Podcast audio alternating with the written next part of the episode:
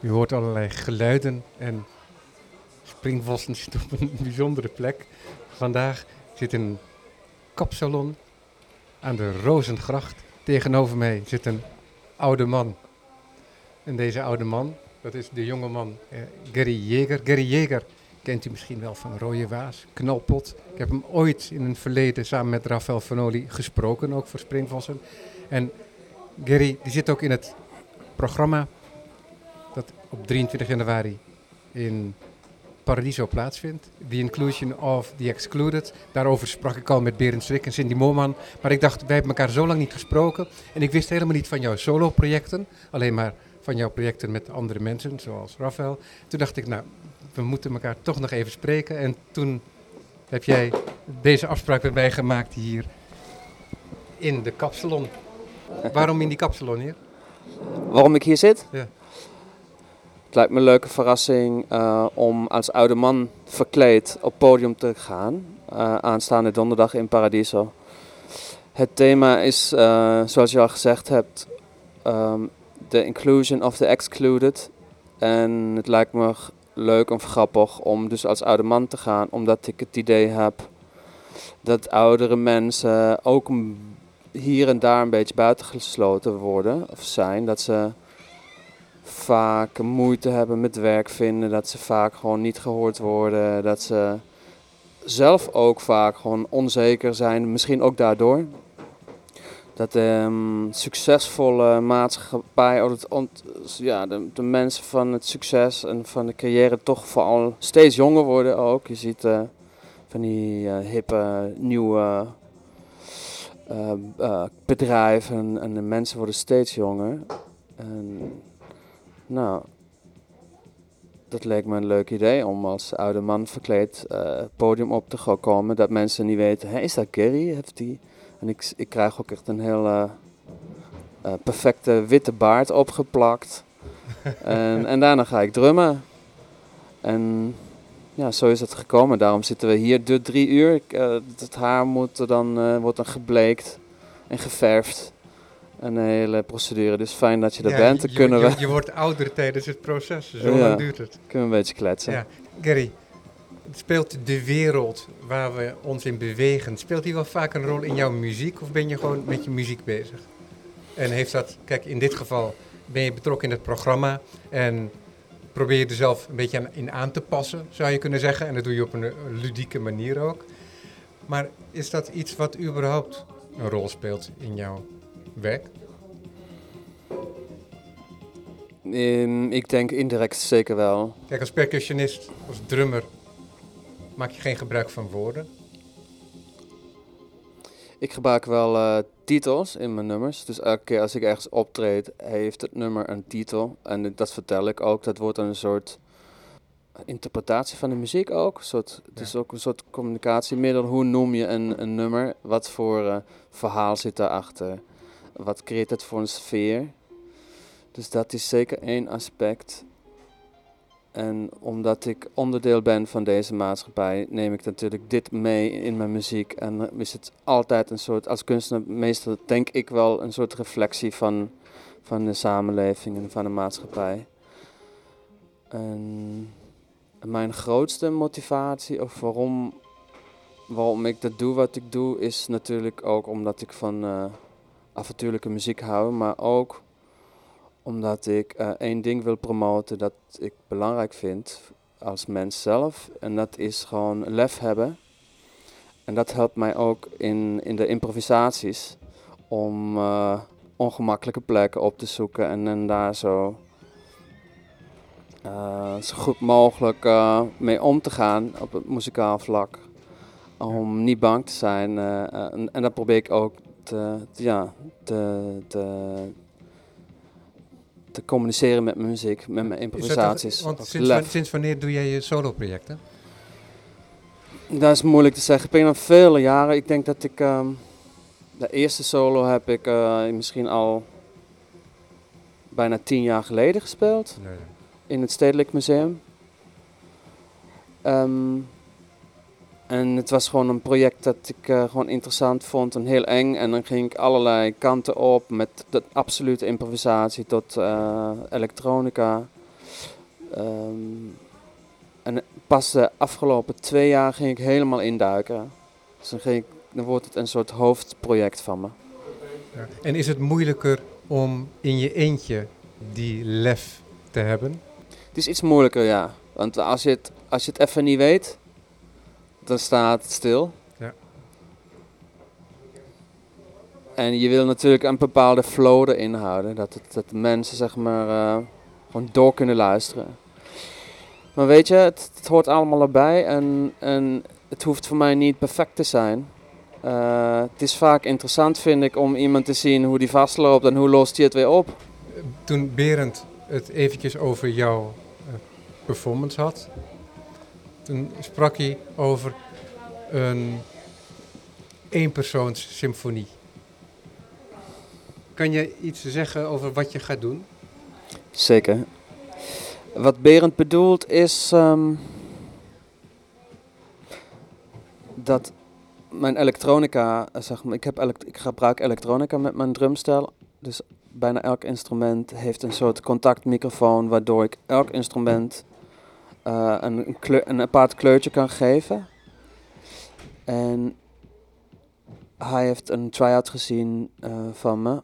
En daar gebruikte ik een soort harmonizer op mijn drumstel. Dus ik kan zeg maar een, uh, een bekkentje of een, trommel een, een noot geven. Of soms zelfs akkoorden. En dat, dat doe ik met hulp van elektronica. Ja, dus dan is het eigenlijk aangesloten op wat wij dan denk ik als leek een synthesizer zouden noemen. Of is dat niet zo? Ik denk dat het eigenlijk, um, um, ik gebruik uh, modulaire synthesizers, zo heet dat. Maar in feite zijn het kleine computertjes ook. Je hebt digitale versies van die analoge synthesizers en die, die kunnen best wel veel inmiddels. Ja. Dus het is een, uh, een zelfgebouwde apparaat die ik uh, uit uh, het Rotterdam heb gehaald. Iemand die heeft het in elkaar gesoldeerd. En die kan gewoon een, een ruis omtoveren in, in een akkoord of in een toon. En dat was voor mij geniaal. Dus toen ik dat hoorde dat dat kon, dan was ik helemaal blij. Was ik gelijk naar Rotterdam gereden, heb de apparaat gehaald. En nu gebruik ik het heel veel. Dus zo krijg ik natuurlijk ja, gewoon een, instrument een hele wereld erbij. Ja, precies. En is dat moeilijk om dat te incorporeren? Als ik denk aan een drummer, het is heel fysiek.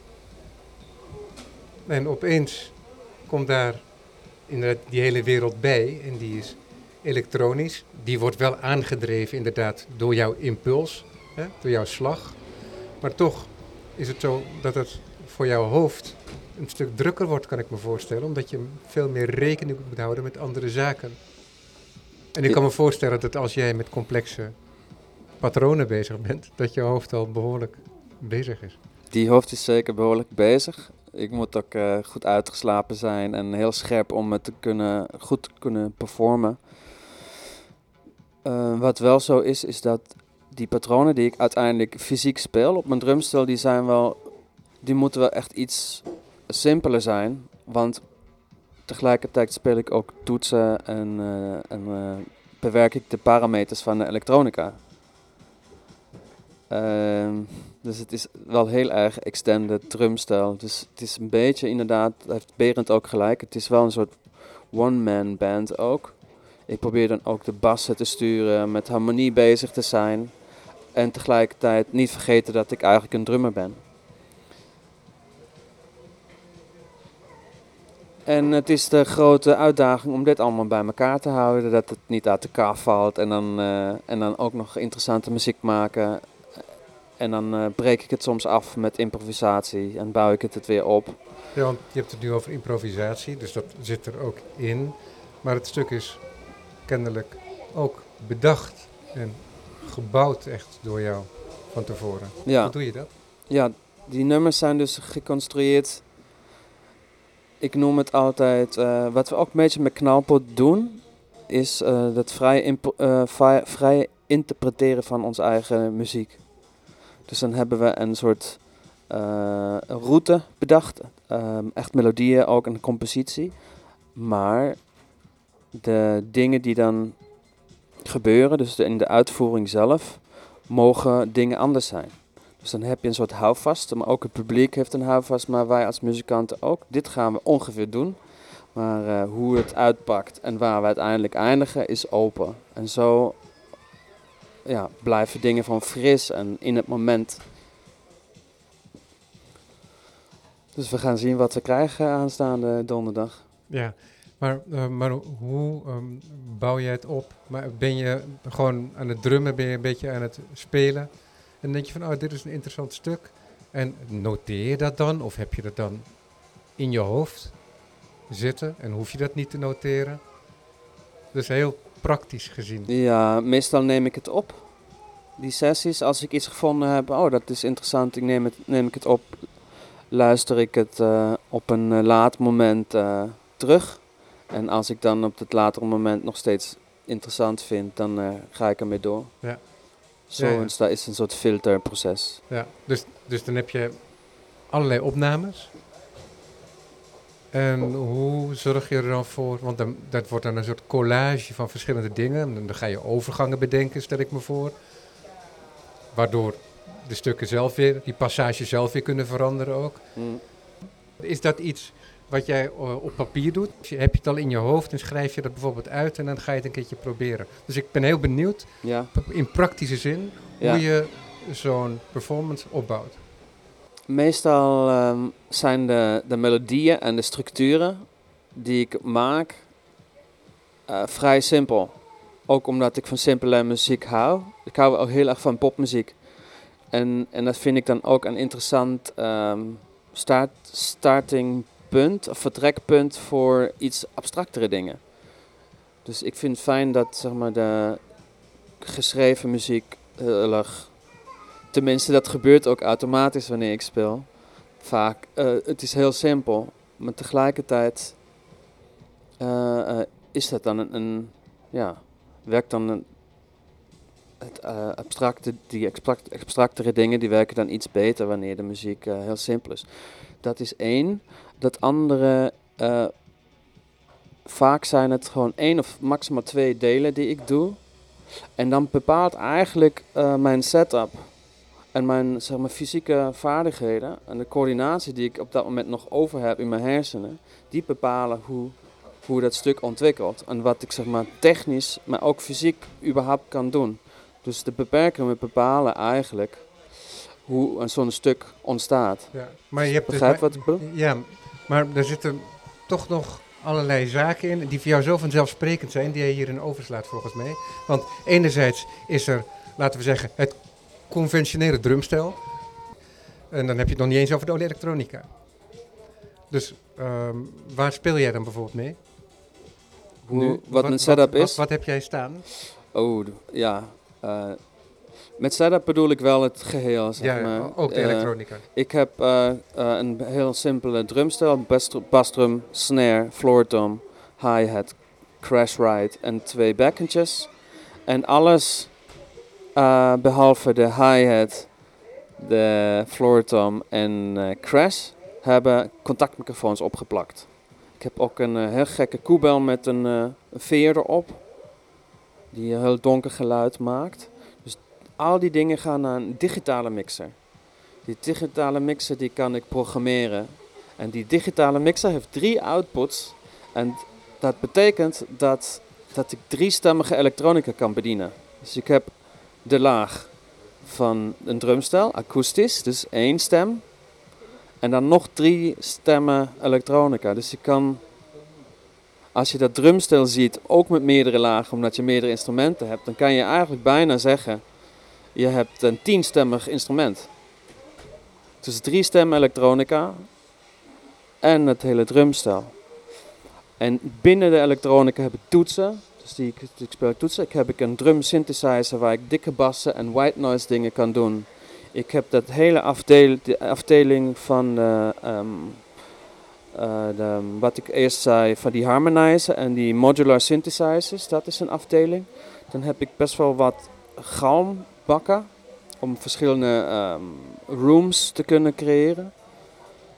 En dan heb ik één afdeling dat is gededicated voor distortion en voor vorming. Omdat ik toch fijn vind dat uh, dingen ook echt lelijk en uh, heftig en zwaar en vervormd, bijna metal, noisy, punk-achtig moeten kunnen zijn. Om gewoon eh, de extreme, eh, eh, extreme kleuren te kunnen creëren. Dus ja, dus om snel samengevat, is dat een beetje wat het is. En die digitale mixer, die is, die heb ik, die is vrij nieuw.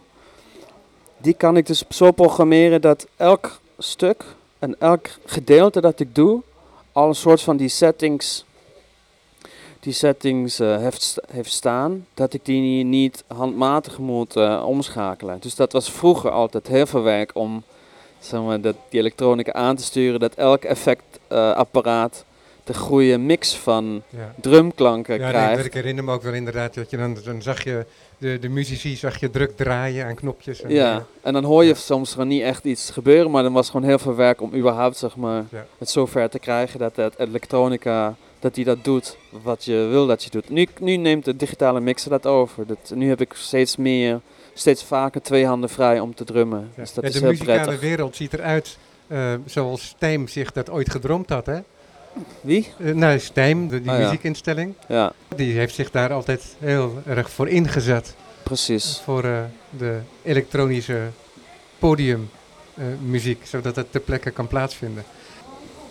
Begin jij met conventionele drum of betrek je echt meteen de elektronica erbij? En meteen. Ik zie, ik Dus probeer, niet in de performance, hè, maar in het maken van...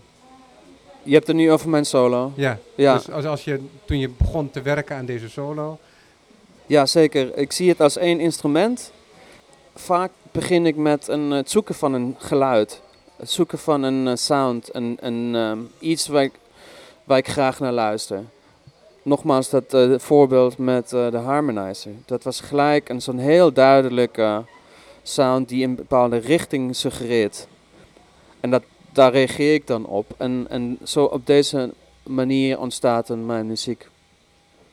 Toch? Je, je begint met een situatie en daarna kijk je welke kant ga ik daarmee op. Ga ik omdraaien? Ga ik juist de kant op van het geluid? Ga ik, wil ik iets anders horen? Hoe lang kan ik het eh, spelen voordat het zeg maar, saai wordt? Ga ik op dat moment iets veranderen of blijf ik juist die spanning opbouwen omdat, omdat ik het interessant vind om die suspense te ervaren? En ja, dat zijn heel natuurlijke processen die heel, misschien heel simpel klinken nu en makkelijk. Tegelijkertijd moet ik wel erbij zeggen, v- vaak als je in je eentje bent en je hebt zoveel mogelijkheden, eh, heb je wel soms, verdwaal je wel soms. En dan, moet- ja, en dan, dat is wel het nadeel, dat je dan niet je, je, je band hebt die zegt van, oh, weet je wat, we gaan er gewoon dit doen. Of, Dus dat is ook een heel leerzaam eh, proces voor mij. Gewoon de confrontatie met mezelf, de confrontatie met het feit dat er geen of weinig feedback is van de buitenwereld. Ja. Dan ben ik toch zo eigenwijs om me dan niet andere mensen te vragen om feedback. Ja, want dat, zou je in een bepaald stadium toch kunnen doen. Ja, inderdaad. dat moet ik nog, dat moet ik nog gaan leren. Gewoon mensen binnenlaten en van eh, laat, zeg, vertel eens wat je vindt. En, eh, het is toch een kwetsbare wereld, het is heel persoonlijk. En ik zit dan liever urenlang in de studio dat, dat ik het echt weet, wat echt voel en weet wat ik ga doen. En dan komt op een gegeven moment de deadline dichterbij en dan moet je sowieso een keuze maken. Ja, is die belangrijk? Want dan moet je sowieso gestroomlijnder gaan werken. Ja, ja, dan moet je harde keuzes gaan maken. Precies. Dus vaak creëer ik eerst een deadline en daarna ga ik pas kijken wat ik ga doen. Is dat heel natuurlijk of ben jij meer een improvisatie mens? Wat is natuurlijk? Nou, om echt iets, zoiets op te bouwen en helemaal iets van tevoren te bedenken. Omdat ik zo'n complexe eh, elektronica setup heb, moet ik heel veel dingen zeg maar, vast, va- vastleggen. Anders wordt het een bende en gaat, schiet het alle kanten op. Beperk jij jezelf van tevoren bewust om dat te voorkomen? Om te verdwalen. Ja. Het is een leerproces. Ik verdwaal heel vaak en, en eh, Maar je formuleert niet van tevoren zo van, nou, dit doe ik sowieso niet. Hier blijf ik ook weg. Ik kan, ik kan me Nee. voorstellen dat je van bepaalde mogelijkheden gewoon zegt, ik maak hier geen gebruik van. Zoals een schilder zegt, ik gebruik alleen maar drie kleuren bijvoorbeeld. Of ik gebruik alleen maar dit formaat schilderij. ik snap wat je zegt en ik hou ook heel erg van minimalisme. Maar grappig genoeg uh, gooi ik vaak gewoon heel veel dingen tegelijkertijd open en is het helemaal niet minimalistisch. En, en dat is dan vaak iets dat ik later um, ga eruit filteren. Van oké, dit is te druk, het zijn te veel kleuren, er moeten dingen weg. En dat vind ik nog moeilijk, maar het levert vaak wel, zeker in de performance, een bepaalde diepgang op als ik gewoon lang met één zeg maar, hoofdstuk bezig blijf. Dat de muziek zeg maar, de tijd heeft en de ruimte om te groeien, om te ja, op leven te komen. Ja, maar ook voor het publiek bedoel je dan? Zeker. Ja. Want dat is natuurlijk een verschil tussen wat jij doet en wat jij meemaakt in je hoofd en wat er bij mij in het publiek terechtkomt. En ja.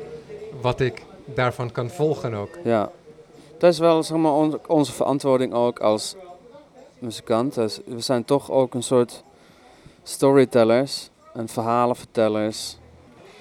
Ik verplaats me wel naar het publiek. Ik vind het gewoon heel irritant als ik ergens ben en ik heb niet het gevoel dat uh, muzikanten bezig zijn met, met het publiek. Want wij zijn met z'n allen in de ruimte en, uh, en de muzikant die, die, die, kiest om iets te vertellen. Nou, dat doe je ook voor het publiek, toch? Dus uh, het is natuurlijk ook een grote uitdaging om daar echt een hele iets bijzonders neer te zetten. Ja. En dat is dus de 23ste. Dat gaan we proberen. En dan is de ironie dat jij als oude man verkleed bent, hè, opgaat. Terwijl ik, uh, als ik in jouw muziek denk, dan is één brok energie. Ja, precies. Dus dat die oude man aan een uh, podium zit ja. en dan heel uh, ja, energiek gaat drummen. Dat lijkt me ook een superleuk beeld. En dan moeten we misschien ook nog hebben over de licht, ja, lichtdesignen.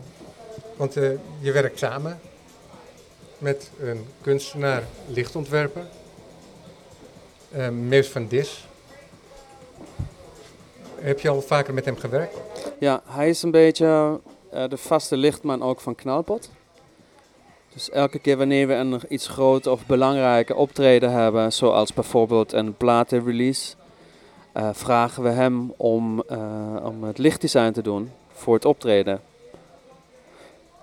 En vaak is er heel weinig budget en moet alles um, heel erg low-key en uh, DIY en hard werken. En, uh, en ook ja, weinig tijd daardoor ook door, door uh, weinig tijd om, om het licht echt heel goed aan te passen aan de muziek. Dus dat ja, het zijn beperkingen, maar meestal was het echt toch super mooi om zijn werk erbij te hebben.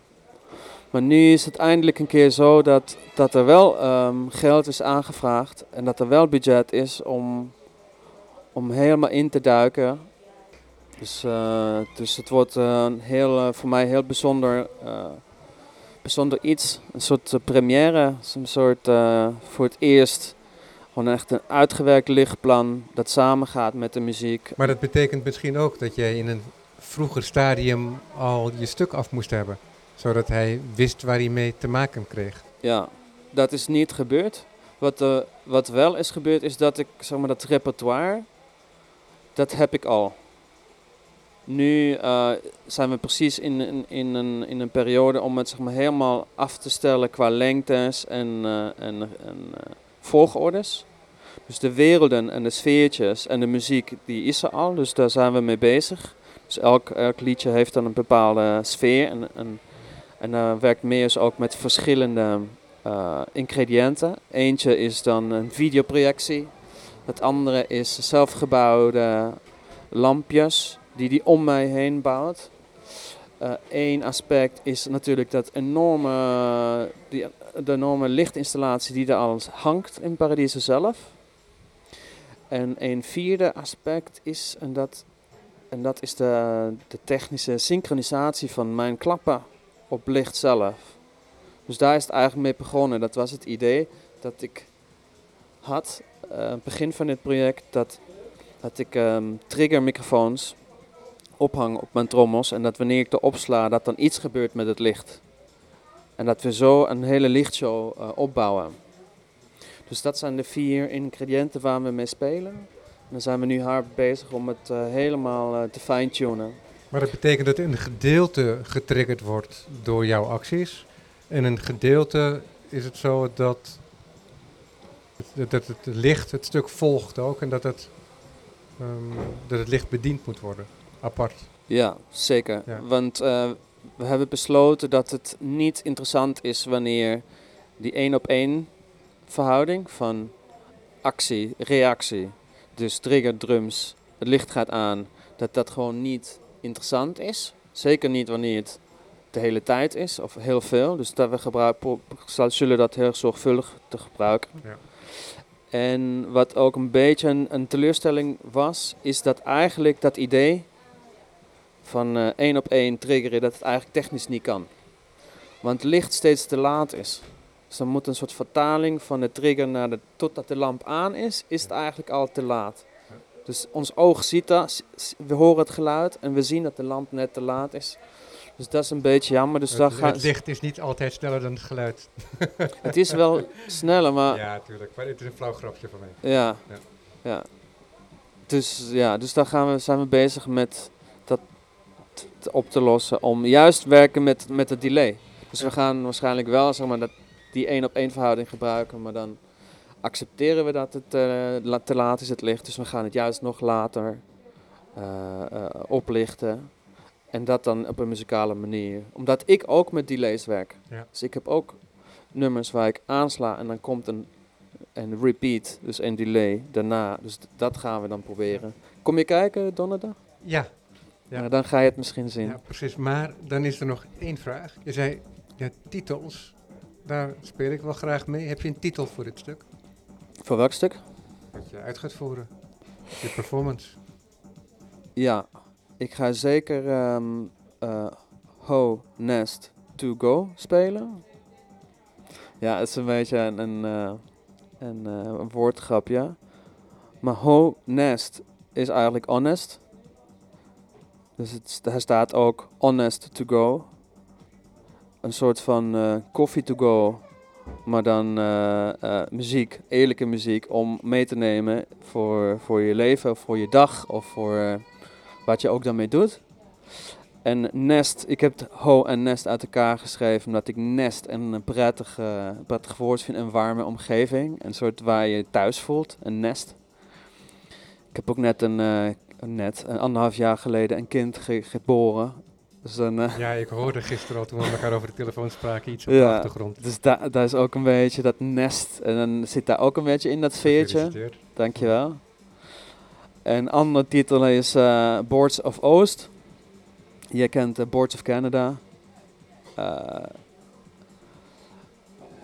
ik, heb in, O- ik woon in Amsterdam-Oost en, en daar heb ik ook mijn studio. En het, het verhaal van het nummer is eigenlijk dat mijn wereld door, door de geboorte van mijn kind en mijn, gez- en, mijn gezin heel klein is geworden. Dus ik, ik beweeg me dan tussen mijn huis in Oost en mijn studio in Oost. En dat werd dan een soort kleine, warme, een beetje saaie, eenvoudige wereld.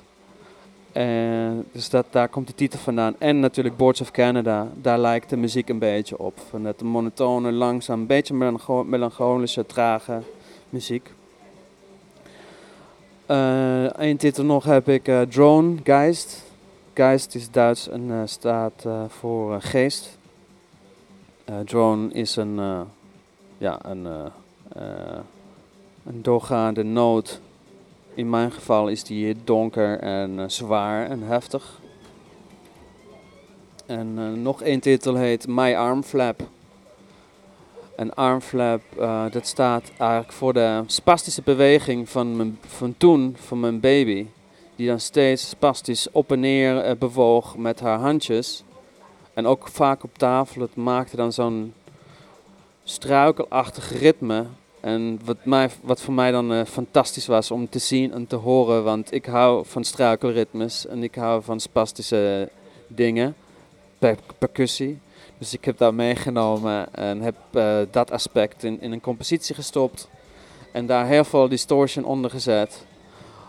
Alsof het een soort eh, monsterbaby is. Want dat was het toen ook. Gewoon eh, van hartstikke lief tot eh, heel erg lelijk monsterlijk. En ja, dat zit allemaal in, het, in dat nummer. En dat dus allemaal de Ja. 23e in Paradiso. Gary, dankjewel. Ja, je weer te bedankt. spreken. Ja.